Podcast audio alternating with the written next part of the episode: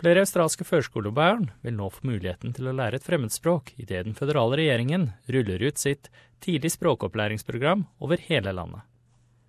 Barn i programmet vil bruke interaktive, nettbrettbaserte verktøy for å lære det grunnleggende i et fremmedspråk.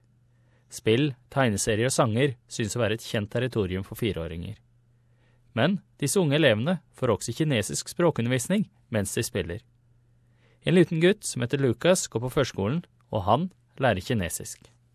Because I'm going to Bali and my mom speaks Chinese and I, and I have a birthday with her, so I need to be able to speak to my cousin Chinese as well.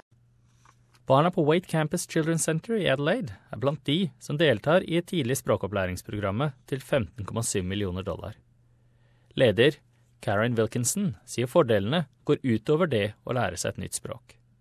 It certainly makes group learning interesting because the children watch each other and they talk to each other about it. So there's that added thing of them um, sharing that learning. På mandag annonserte utdanningsminister Simon Birmingham at programmet vil bli rullet ut nasjonalt. Bare 12% av tolvteklassingene studerer et fremmedspråk, og den føderale utdanningsministeren Simon Birmingham sier han ønsker at det tallet vokser. It's an exciting program that the Turnbull government's backing because it helps position Australian children for the modern economy, but also because it's a cost effective way of enhancing the developmental skills of our youngest children. Nesten 10 000 barn har allerede deltatt i en prøveversjon av programmet, hvor de fleste lærte enten kinesisk eller japansk. Arabisk, fransk og indonesisk ble også tilbudt. Og i løpet av de neste to årene vil studentene også kunne lære italiensk, spansk, hindi og moderne gresk via nettbrettbasert teknologi.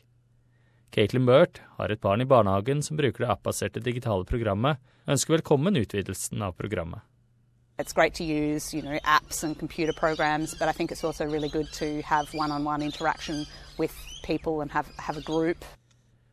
Barnehager og førskoler over hele landet har frem til slutten av februar til å registrere seg for programmet.